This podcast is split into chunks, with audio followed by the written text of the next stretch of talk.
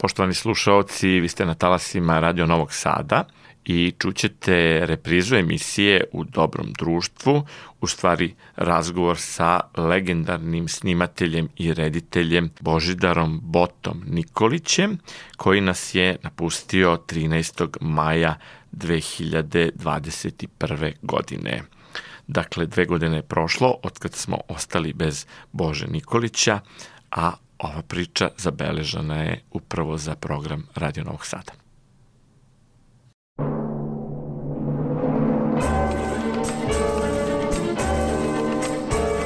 U dobrom društvu.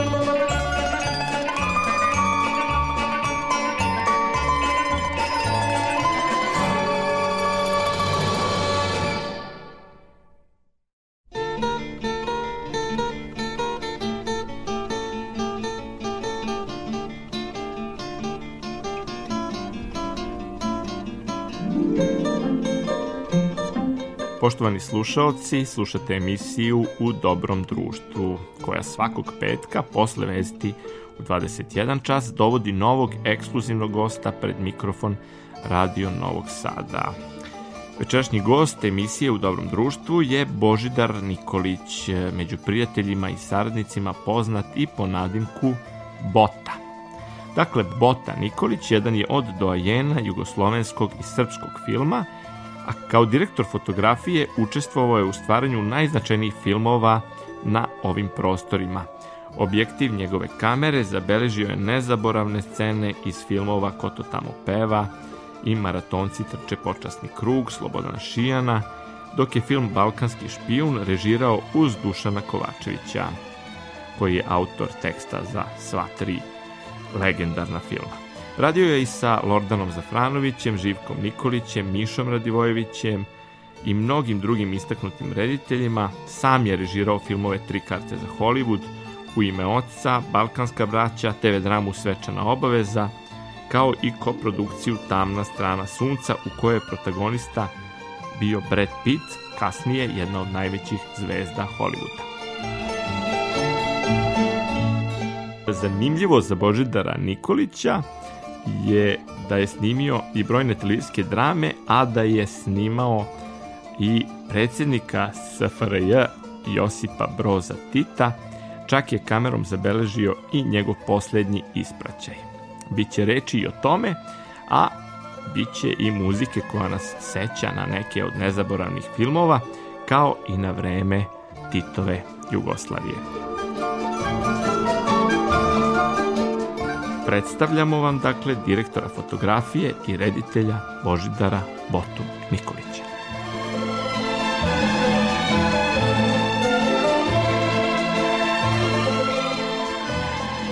Gospodine Nikoliću, hvala vam. To ste odvojili vreme za slušalce Radio Televizije Vojvodine prvog programa Radija.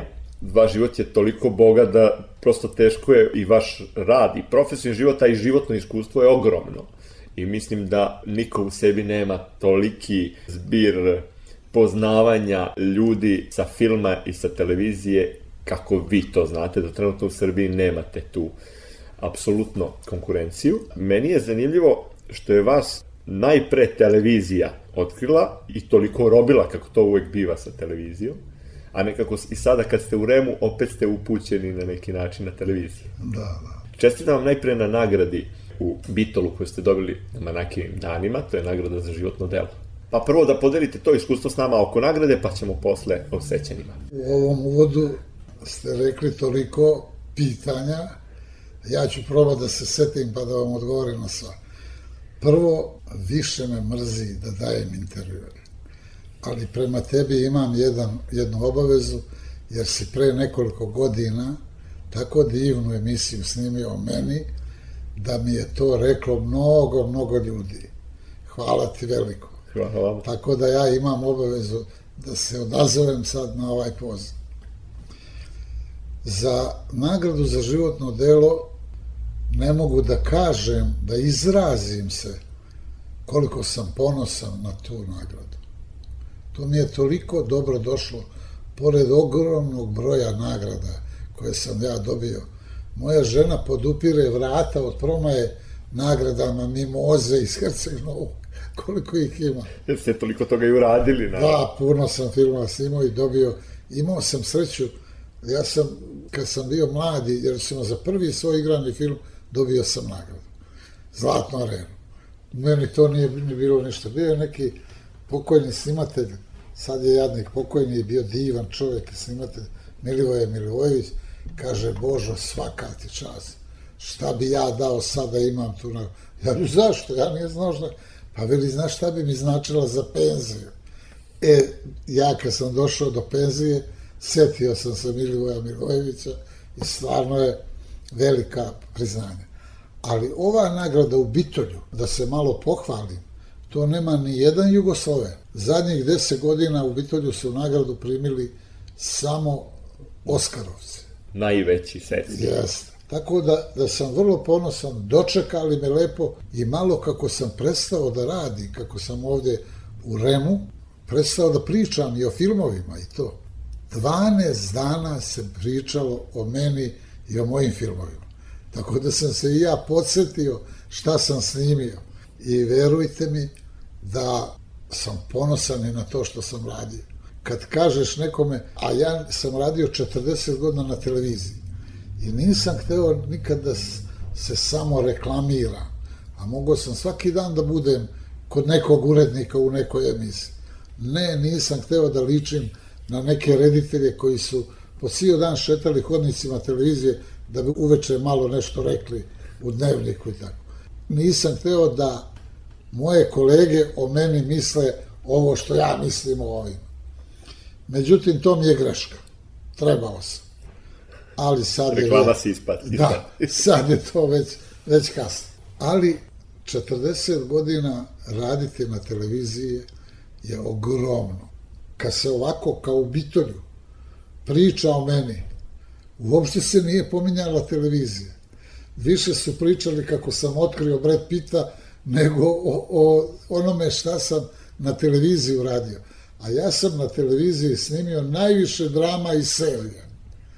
To je zaista impresivna lista. Jeste, to je, a samo me pominju filmove, nego je sva sreća, ima i filmova puno, ja ne znam tačno negde, jedno 40-50 igranih filmova. I samo o njima pričaju. I kad ti sad ovako pogledaš, pa kažeš, balkanski špijun, ko to tamo peva? Maratonci. Maratonci, to će postati profesionalac, pad Italije i tako. Idemo dalje. Idemo, stvarno divni filmovi. Ali ne treba dalje, to je lista dovoljna Da, za, da. za E, tri života. E sad ljudima nije jasno kako kad kažeš ti Nikolić Božidar, kako me ne znaju, a ove filmove sve gledali. Zato što nijesam se samo reklamirao.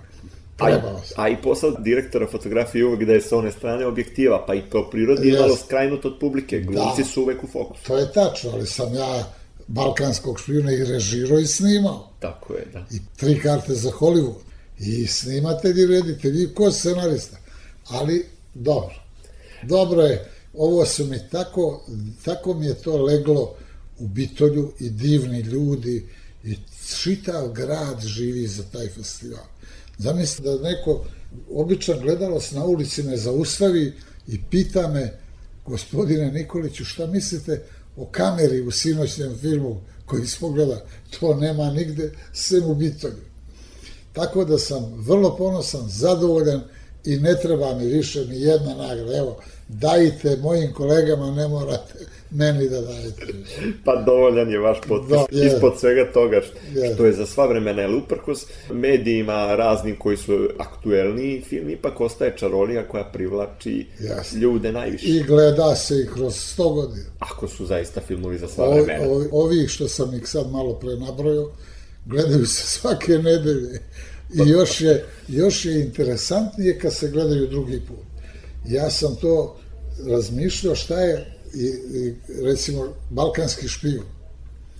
Kad ga gledaju ljudi drugi put, kad žena Mira Banjac kaže bratu ovoga Čvorovića, Đuro, ti si pametan čovjek, daj pomoć. I sad kad ga gleda prvi put, oni misle stvarno, neka kažu ovoj budali da ne lete, ali kad gledaju drugi put, znaju da je Đuro veća budala. I tu se već smeju. Da, ali divno je sad kad pominjemo balkanskog špijuna. Meni posebno je privlačna e, ona rečenica koja zamalo da bude izbačena, a ostala je vašom zaslugom, s obzirom da ste zajedno sa Dušanom Kovačevićem, režidar. To je, to je, nije jedna rečenica, to ima toliko rečenica, ali Duško, prvo moram da kažem, da, da ne napravim grešku, da nije Duška Kovačevića bilo, ne bi bilo ni mene. Ali ne ni mene, ne bi bilo ni Bate Stojković, ni Bire Banjac, ni Šijana, ni mnogih drugih, nego to ljudi neće da priznaju. Da Duško Kovačević ovo nije napisao, nas ne bi bilo. I ja sam, ja tvrdim, pošto smo ja i Duško drugari od prvog dana akademije, studirali smo zajedno, ja sam i tada tvrdio da je on genij. E sad, kad je napisao ovo, kad je sve to urađeno, on se ne osjeća kao filmađija. On se osjeća kao pozorišni čovjek. A ja mu tvrdim da je on značajniji filmski autor nego pozorišni. I to će da se desi za, za 50 godina. Više će da priča o njemu kao filmađiji nego kao pozorišnom stvaravcu, jer pozorište prestava se ugasi. Evo, niko ne pominje balkanskog špijuna zbog pozorišne predstave koja je prva izvedena, nego zbog filma.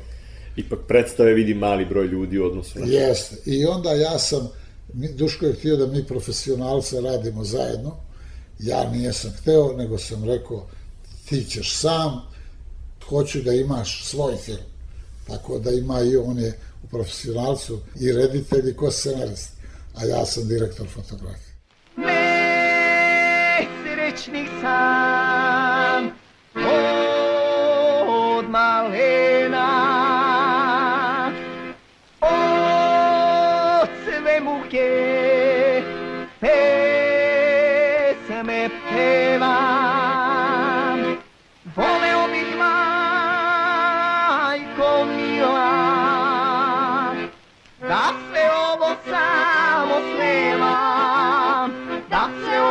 ovo samo snevam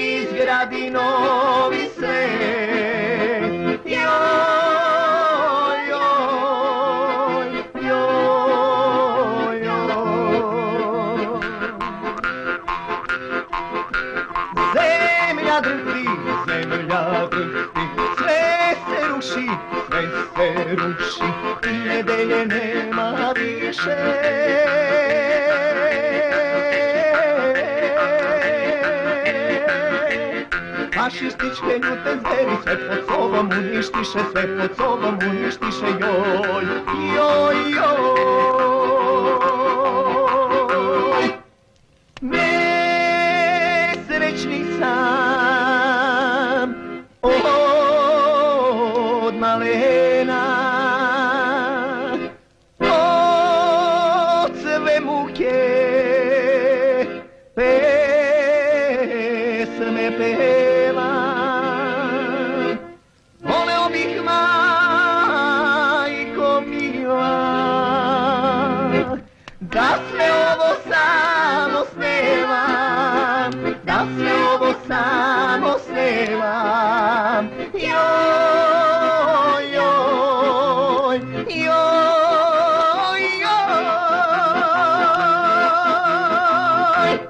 Kad pominjemo te najznačajnije filmove, da ne propustim priliku da vas pitam, film koji do dana današnjeg se navodi kao najbolji jugoslovenski film svih vremena, ko to tamo peva Slobodana Šijana, gde je pre svega opet zaslužan Duško sa svojim sjajnim scenarijom i tekstom, a znam da je pazio na svaki zarez, na svaku tačku, jer glumci znaju neki put da promene tekst, pa je opšti utisak se pokvari. E, to je snimano dok je Tito bio u bolnici, dakle, očekivalo se da će se desiti to da Tito napusti ovaj svet i da, jeli, doživotni predsednik i večiti za koga se nije verovalo da može da umre, i umro posle toga. Kako je e, izgledalo to snimanje? To je vrlo kratko trajno bilo, 20 dana. Ne, on je, on je umro u sred snimanja filma. Tako. A mi smo imali obavezu, kad ti, ako Tito umre, da im damo kameru da snimaju sahranu. E onda da ne bi prekidali, jer prekinuti snimanje, pa početi ponovo, to sve košta. I onda sam ja uzeo kameru Ariflex u blimpu, a to je kamera sa ogromnim blimpom koji ima 40 kila. Šija nije vjerovao da ću ja sa tim da snimam. Ovako, ljuda se stati koliko je teška kamera. Ja kažem, Šiki, nemoj da gledaš kameru, gledaj glumce. Ja snimam, ne snimaš ti. Tako da sve one scene gdje Alija Aligrodić igra, Slobodan Aligrodić. Slobodan Aligrodić, gdje on glumi, gdje ono vojska stiže autobusom i to, to su sve scene snimljene sa tom kamerom. Tada je Tito umro. Da li ste učestvovali u snimanju sahrane? Da, Titove? da. Znači, da si toga prisjetimo, jer, eto, u maju je premjerno ova emisija, pa da... Da, jer ovaj, ja sam bio službenik i televizije, ali sam snimao film. I kad je bila sahrana, onda sam morao da snimam. I bio sam snimatelj koji je snimao tamo na, grobu. Interesantno je to, mi smo dan ranije probali. Generalno proba sahrana. Proba sahrane. I sad nosi vojska sanduk, donosi kod groba, stavlja u grob i bila je jedna ogromna ploča. I sad se tražilo da što manje da gužva bude vojnika koji mogu tu ploču da gužnu, a da bude onako vojnička, ne da se muče da bi to napravili. I mi smo sve smanjivali broj, smanjivali broj, ja mislim došli smo na 12, da to gurnu i da zatvore. Međutim, kako su prošle godine, jedna žena u nekim novinama je pisalo da je ona dan ranije gledala da je Tito sahranjen. Ona je vidjela tu Vidjela je probu sa praznim sandukom, da, da. Tu je bile priča da je sahranjen, ali... Je, zato što nismo vidjeli taj trenutak u prenosu. E, u prenosu ovaj, to je izbjegavano da ne bi bilo ovo guranje te ploče i tako, a još se nešto desilo. Meni se u sred toga prenosa pokvarila kamera. I onda sam ja se uplašio, bre, da ne misle da sam namjerno pokvario, da bojkotujem Titovu sahranu i šta. Da. Tako da ta kamera koja je baš bila zato zadužena nije bila ispravna tog trenutka. A inače, imali ste priliku, naravno, i živog Tita da snimate mnogo puta. Pa, ne mnogo, ali sam snimao ga u Skupštini i najdivnije mi je, snimao sam emisiju posle njegove smrti. Tako da sam sve njegovo probo, šapke, fotoaparate, sve gde je on bio, ja sam ja sam Dodirnuli ste svojim da, rukama. Bio sam, on je bio poznat da ima svoju radionicu, da radi, stalno nešto. Ne bi niko vjerovao šta je on pravio zadnje u životu. Pravio je aluminijski češ. to je on rezao nešto. Ili, i, i lepio je neku muštiklu. Polomila se da je to popravljao i, i lijepio. E, a ja sam slago njegove aparate tamo u muzeju njegovom sad. Sjećam se, ne može na Hazelblada objektiv da se stavi.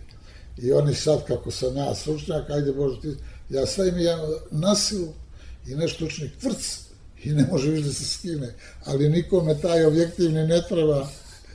Dobro da je samo eksponat. Samo je u muzeju, da. Pokojni Zuko Džumhur. On je mene mnogo volio i volio me i kao snimatelja čak mi je govorio da dam otkaz na televiziju, da me on zaposli kao fotoreportera politike i da idemo po svijetu, da priča ono hodočašće, a ja da fotografišem. Da, hodoljublje. Hodoljublje, jel? Tako se zove, hodoljublje. E, i jedan dan on meni kaže, ajde, idem kod Ive Andrića, ajde da te upoznam sa njim. I ja nijesam htio, velim, pričam kako je bolesan, kako ne izlazi iz kuće. Ja nijesam htio i sad me sramota, jer ja tada nisam znao ko je Ivo Adanović. Ja sam tada bio mlad još. Znaš, A kažu prilike ne treba propuštati, E, jer se ne da ukazuju po dva sad puta. je mnogo krivo da nijesam upoznao takvog čovjeka.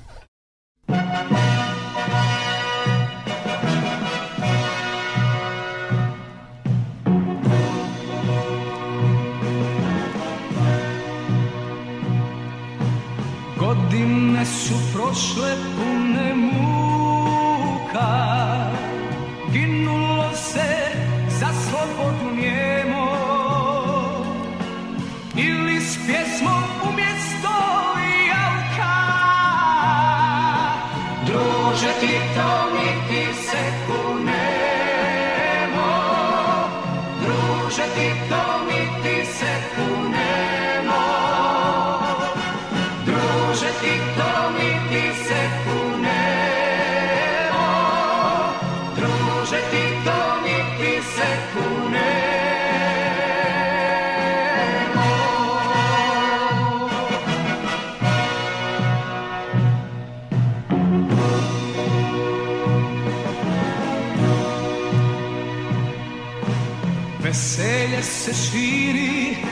strane. Sad slobodno po zemlji idemo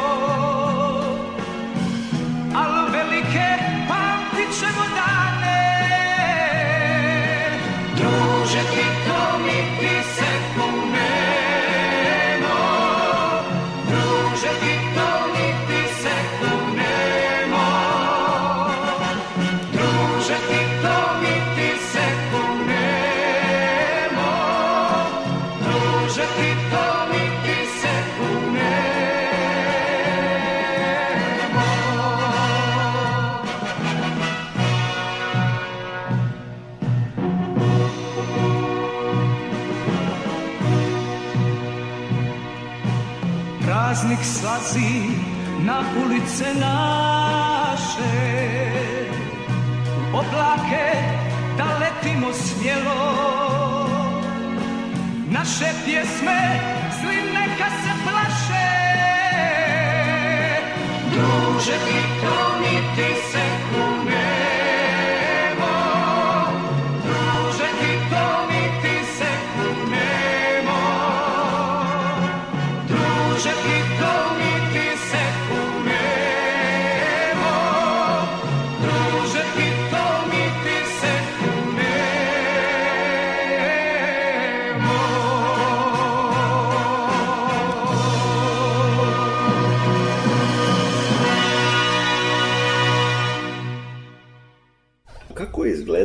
rad e, na televizijskim tim produkcijama tada? Pretpostavljam da se ipak ozbiljnije radilo nego što se radi danas. Da. Ja sam pristao kako se to pojednostavljuje.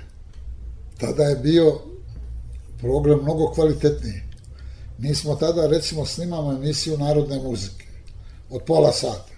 Pa se pravi scenario, pa se pravi scenografija, pa kostimi, pa se kadrira, pa se po nedelju dana to snima. E onda je došao Jovan Ristić. I onda je on stavio ovako pjevača, tri kamere, jedna drži krupan plan, druga Amerika, treći total i onaj pjeva, a on reska i koliko traje pjevanje, toliko je trebalo I snimati. gotovo finalizovano. to Tako su da je revolucija. Ta, revolucija i ta norma poremećena. I to je koštalo kvaliteta, ne kažem ja da je trebalo ovoliko vremena, ali je koštalo kvaliteta rada neke emisije i neke nadgradnje, da tako kažem. Jer svaka pjesma koja se snima može da se nadgradi. Ali danas je sve pretvoreno u reality, pa je još program danas pao. pretvoreno u reality i onda još spotovi. Namjerno, kad, kad režiraju pesmu neku, onda namjerno ne trude se da prate neki sadržaj pesme, pa da prave neku priču u toj realizaciji, nego namjerno ne prave, nego snimaju svašta tamo, amo, kadar ovde, kadar ovde, da ne bi obratili pažnju na pjesmu, jer pjesma ne valja. I onda je ni ne čuješ. I onda gleda slike i ovamo i ne čuješ, prođe pjesma. Gledaš, pa ima malo erotike, a Da. kod erotike, dosta ima vulgarne erotike, a e, o, o, ono što ste vi slikali u antologijskim filmovima, Da to je ostalo upamćeno kao jedna prefinjena erotika koja nije bila vulgarna ni u jednom trenutku. Jasno. I ja se ponosim time, jer recimo sjećam se film Živjeti ko sav normalna ovaj, Svet, Miše, Svet. Miše Radivojević. gde Miša Radivojića, gde spokojna Sonja Savić i Bule Goncić glume imaju ljubavnu scenu. Ja sam snimao čitavo jedno popodne kako oni vode ljubav. Čitavo popodne. to je vrlo intimna situacija, vi ste priključeni na, na, par, da. a na filmu je to možda bilo 2-3 minuta, ne sjećam se sad. Pa duga scena. E, ali znam ovo, da je jedan zagrebački kritičar pisao o golotinji na, u filmovima na Pulskom festivalu. I taj film nije pomenuo. I ja pitam, je li bre, kako ti nijesi pisao o mom filmu? On veli, Bože, ja nijesam primijetio. Toliko je to bilo u funkciji priče, filma, da je to prošlo onako nezapaženo kao neka golotinja i pornografija i šta ti ja znam. Glumci su, naravno, veoma osetljivi e, kad snimaju ne samo takve scene, posebno glumice, recimo, Da. žele ipak na neki način, bez obzira što igraju određeni lig, da ostanu upamćene lepe i da se ne vide neki nedostaci i tako dalje. Kako se to rešavalo? vrlo teško. Najteže mi je bilo snimati te scene. Recimo, u padu Italije snimao sam Snežanu Savić, koja je jedna lepotica. I trebalo je da, da, da raskopča bluzu i vjetar na, na barci, da, na motornom čamcu, da je, da je raznosi to i da joj se vide grudi. To je početak filma sad. E, ona nije htela, nije to dala. A, a bila je trudna deveti mesec. Da. I njoj su ovako narasle grudi bile i one vene se pojavile. I ja sam nju snimao i u, u sred kadra ja joj povučem bluzu i otvore se grudi. I da li vi verujete da sam bio u Boru i sedi u jednom društvu i pričali nešto. I jedan čovek kaže, najlepše nešto što sam vidio na filmu, to je ispričao on ovu scenu, nema pojma da sam ja to snimao.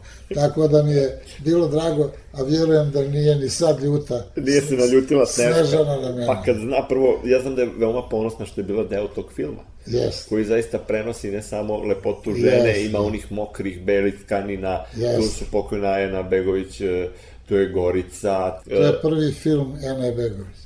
Jeste, legenda Nene koju ste posle snimali i u Idemo dalje. Potpuno drugačije. Potpuno drugačije, jeste. E, to je ono što je meni posebno interesantno, što ste jednom rekli kad smo pravili taj baš portret za televiziju, da svaki film ima tačno način na koji treba da bude snimljen. I što vi niste sebe selili iz filma u film i svoju estetiku, nego ste pratili atmosferu i ono što traži priča, reditelj i sam taj film. E, sad u Bitolju kad sam primao ovu nagradu, sad mi koji smo članovi žirija, tu je bio jedan Poljak koji ima Oscara i to, mi smo svaki dan držali časove. E ja kad je bio red na mene, ja sam baš o tome pričao. Master class. Masterclass, jes. Da treba prvo umjeti pročitati scenarij. Jer kad gledaš film, evo kažemo sad ko to tamo peva, ti u glavi vidiš jednu sliku tog filma, kao da visi na zidu slika. Nema da ti pratiš cijel film, da, ili Kako ja, ga osetiš? E, ja kažem, ja, ja ovo tvrdim, da je film dobro snimljen tek kad odgledaš film i kad ti ta jedna slika ostane u glavi. A ako nije dobro snimljen, nema te slike. Nema te slike. Tako da sam ja ovaj baš zadovoljan sa tim filmovima, jer i sad ja kad gledam maratonce, meni je jedna slika u glavi. Vi ste naravno i režirali nekoliko naslova koji su ostali upamćeni, ali kao reditelj ja mogu da kažem da je direktor fotografije najvažniji reditelju. Znači, ako tu ne postoji apsolutno razumevanje, jer koliko god je svaki saradnik važan i bitan, presudan saradnik je direktor fotografije. On je bukvalno reditelj skoko. Koliko se razlikovao vaš rad kad ste bili direktor fotografije, a kad ste istovremeno bili reditelj? Pa meni je najteže bilo da dajem komande, da vičem ton, kamera, da krenem snimanje. Ja postavljam kadar, postavljam sve glumce, probam, sve, ali ovo kad dođe, teško mi je bilo, jer ja volim da se skoncentrišem, da gledam kroz ono oko i ako meni dok ide kadar ne lupa srce ovako, taj kadar ne valja. I onda sam ja uvijek pomoćnik režije davao komande. Tako da ja slušam i počinjem. Skoncentrisan i uvijek je bilo da nije mi bio problem nikakav. Toliko ste upoznali radeći kao direktor fotografije glumaca, onda vam nije bilo teško da napravite podelu. A nekako opet upoznali ste dobro psihologije, kako pristupiti kome i radili ste sa najvećima sa Pajom Vujsićem, sa, pominjali smo Batu Stojkovića, čuvenog u Buleju, vi ste snimali i diplomci. Jeste. Kako se prilagoditi karakteru, ovaj je ovakav, onaj je onakav, nije sa svakim lako raditi. Ko vam je ostao posebno upamćen kao, kako bih rekao, neko ko zahteva strpljiv pristup? Ponovo ću da se vratim na Duška Kovačevića. Jer mnogo smo uticaja na te filmove i kao režiju imali Duško i ja. Tako da Kašijan, izvini, ali sve podjele u svim tim filmovima je napravio Duško Kovačević. On je maltene pisao za te ljude, jer je on njih zvao, to su s većinom ljudi iz Atelja 212, a on je tamo izveo prvu predstavu maratonci trče poštanski krug i on je kao član maltene bio tog atelja, bio s njima, družio se u bifeu atelja i te ljude dobro upoznao i onda je on za njih pisao uloge a onda ja slušajući Duška, kad priča o njima, kad kaže, kad priča scenariju, kad, recimo, on meni kaže, reći ću ti šta sad pišem, a nemoj nikome da pričaš. Kad je pisao Balkanskog špijuna, kaže, i znaš šta me snašlo? Šta? Ja dobio Fulbrightovu stipendiju da ide u Ameriku. I na vrata njegovog stana neko zvoni, neki čovjek iz Udbe. I rekao mu ti ideš u Ameriku, dobro bi bilo da nešto pribilježiš što vidiš, nemoj velitašno da nosiš ovako, neko će ti je ukras, novčanik, zaši unutrašnji čovjek, uči ga sve kako tamo u Ameriku, a veli ja se vratim, meni obijen stan i sve mi odnijeli iz stana. Tako da je ono... Premetačina u da. vremenu. I, I tako je došla ideja za balkanskog špijuna. Tu je on krenuo onda ovde. Prvo je osetio to na svojoj koži. Da, da. Pa i profesionalca posle. Profesionalca, da. Jas. Kad će on ispriča šta da piše, ti bi rekao ovo je ništa. Ali kad ga napiše, onda je potpuno, potpuno drugo.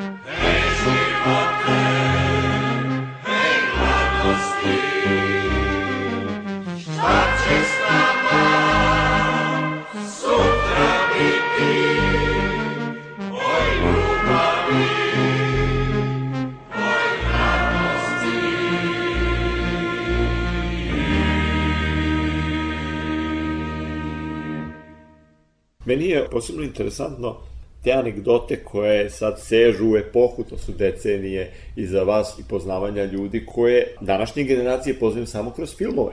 I onda je to uvek, naravno, posebno draže ima slušati o tim ljudima. Radili ste Život je lep, ste slikali Bore Draškovića, tu su svi na okupu veliki, Da, u jednoj- snimano u Kručiću pored Vrbasa. u jednoj kafani. Ima puno anegdota s tih antologijskih filmova, a drugo, mnogo ste se i družili sa svojim protagonistima. Vaš prijatelj je bio Dragan Nikolić, pokojni je to. Otišao je nedavno Gaga, pa sad bi volao nekih anegdota da se setimo da to ostane zabeleženo. Evo, kad smo snimali taj film, i sad je bilo puno statista, a to je, Kruščić je jedno sat vremena daleko autobusom od Vrbasa. Još pogotovo kad ideš ovako selima da kupiš statiste.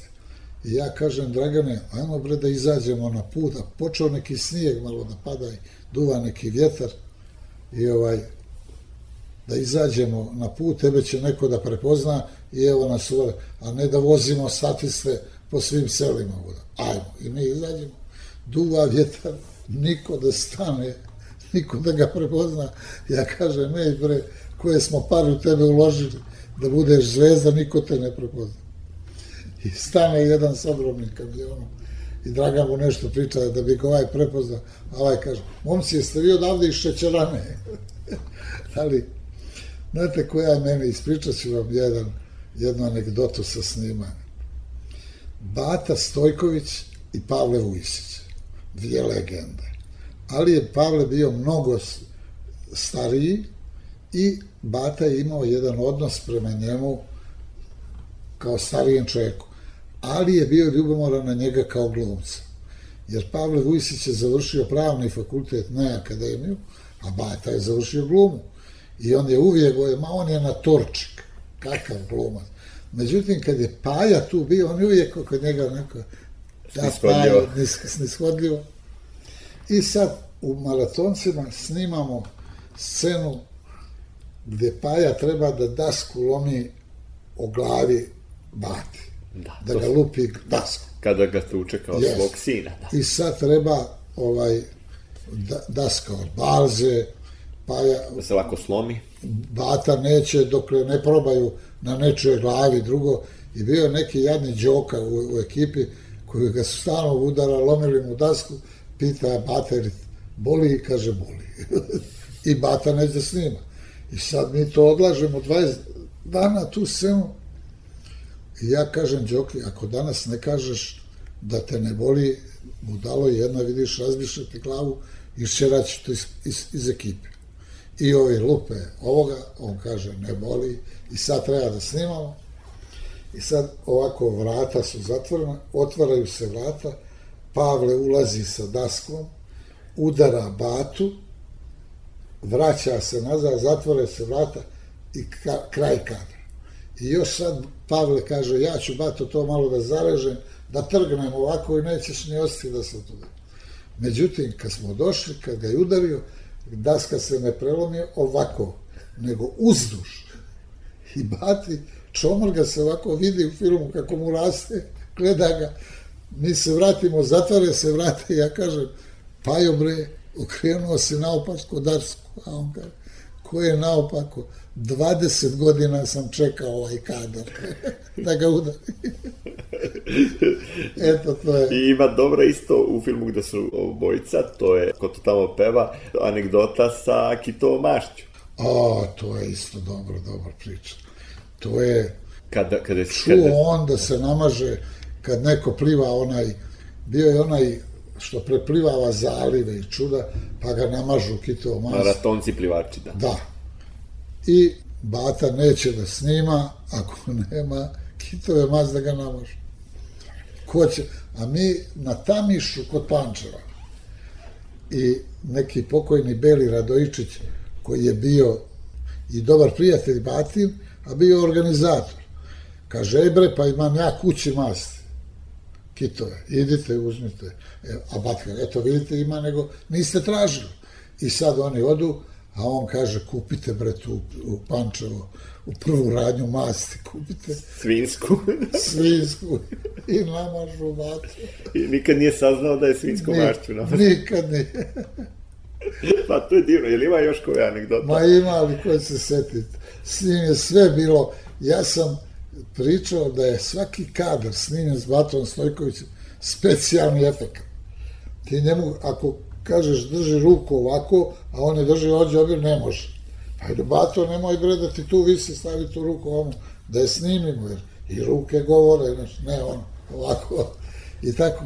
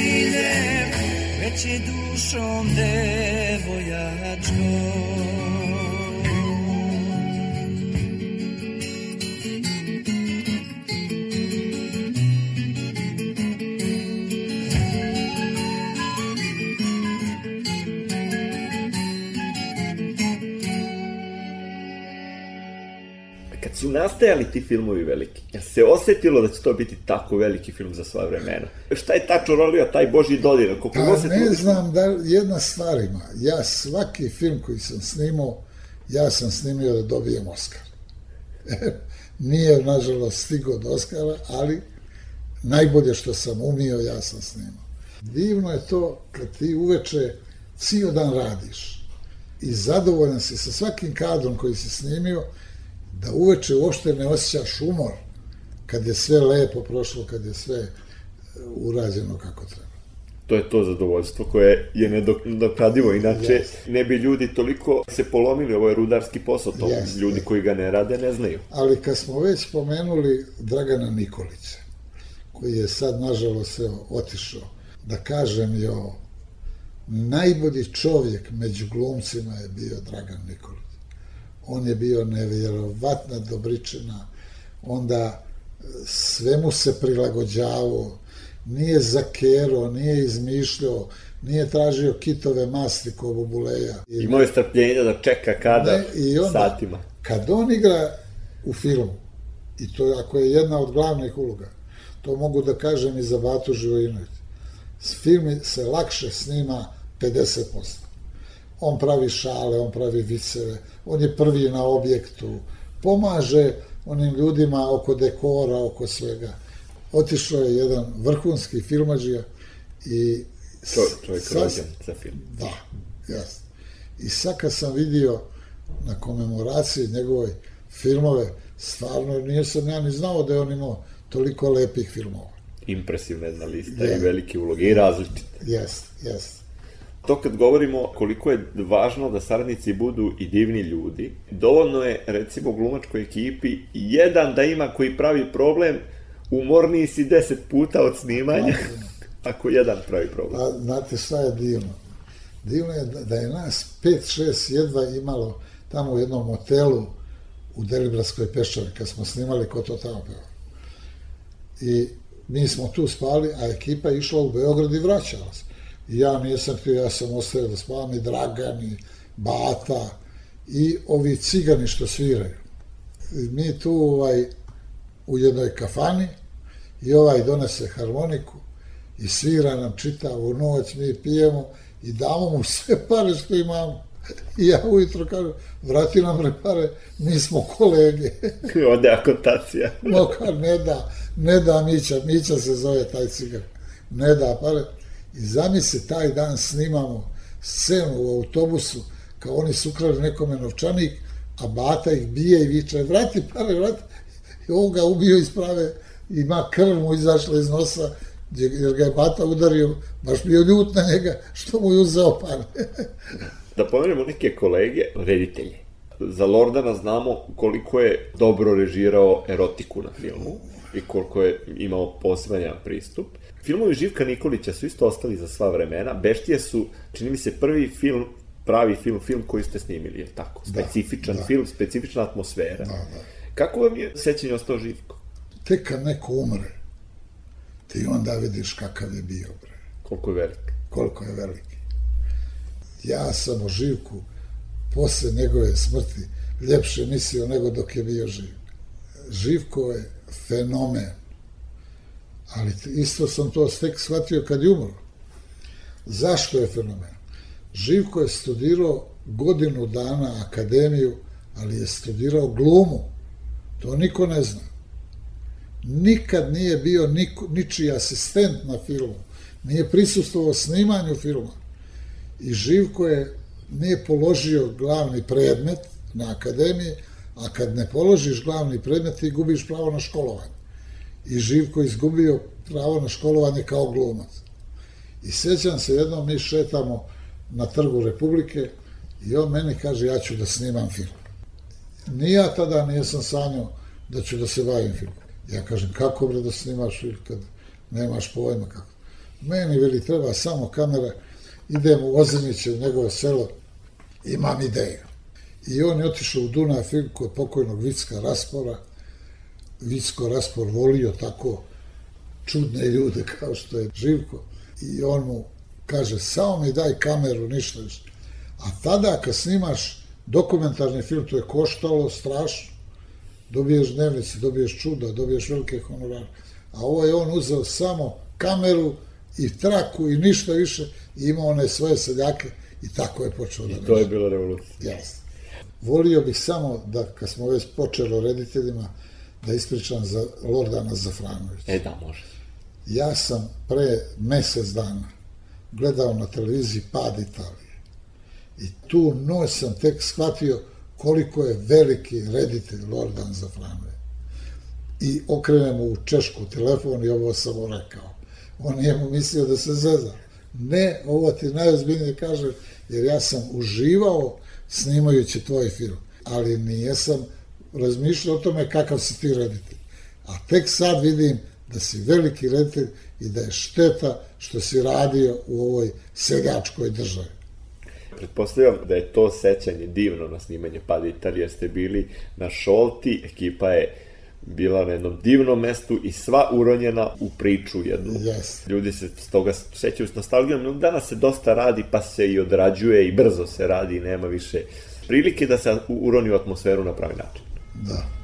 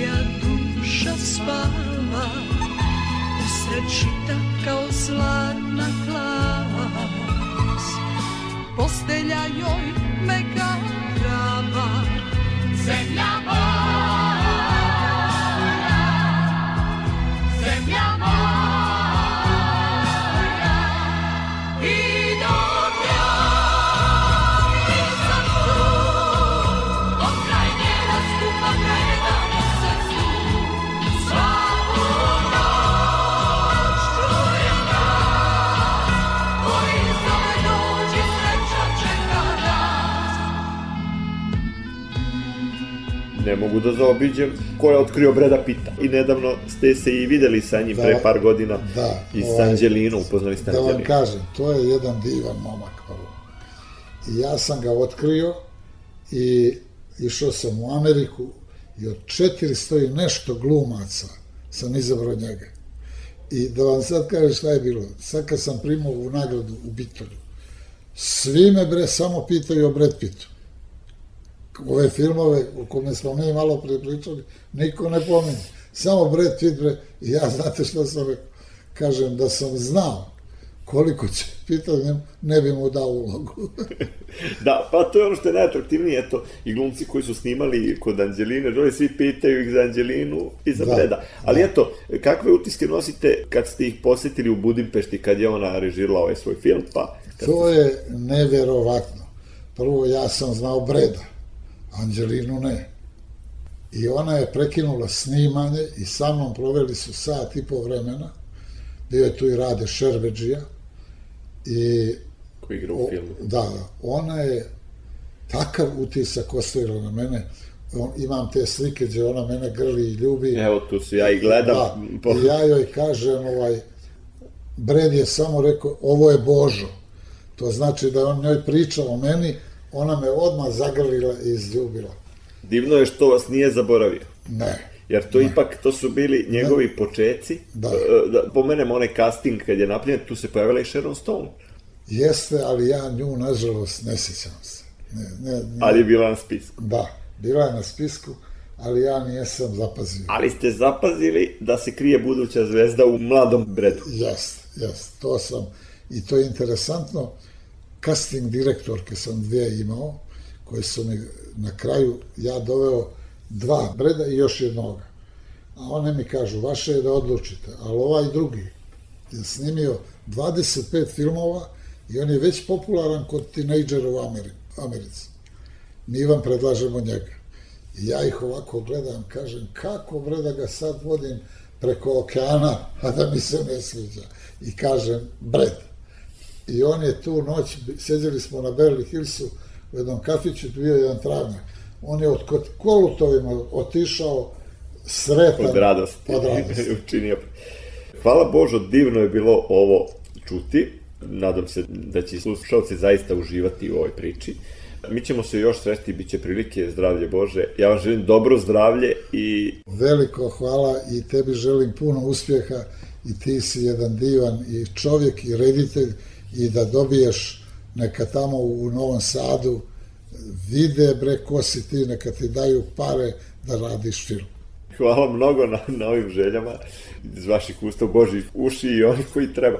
Hvala lepo i vidimo se, pa ćemo još da pričamo, bit će ovih tema, što za radio, što za televiziju. Važi, evo ti možeš kad god hoćeš dođi kod mene. To je zaista velika privilegija. Hvala.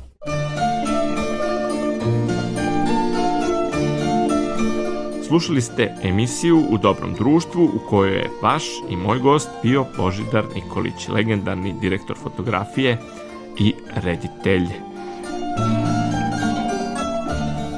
Ton majstori bili su Marica Jung i Vladimir Rakić, muzički urednik Predrag Jovanović, a urednik, autor emisije i vaš domaćin Goran Vukčević pozdravlja vas do narednog susreta i poručuje Birajte društvo, budite uvek u dobrom društvu. Prijatan vikend.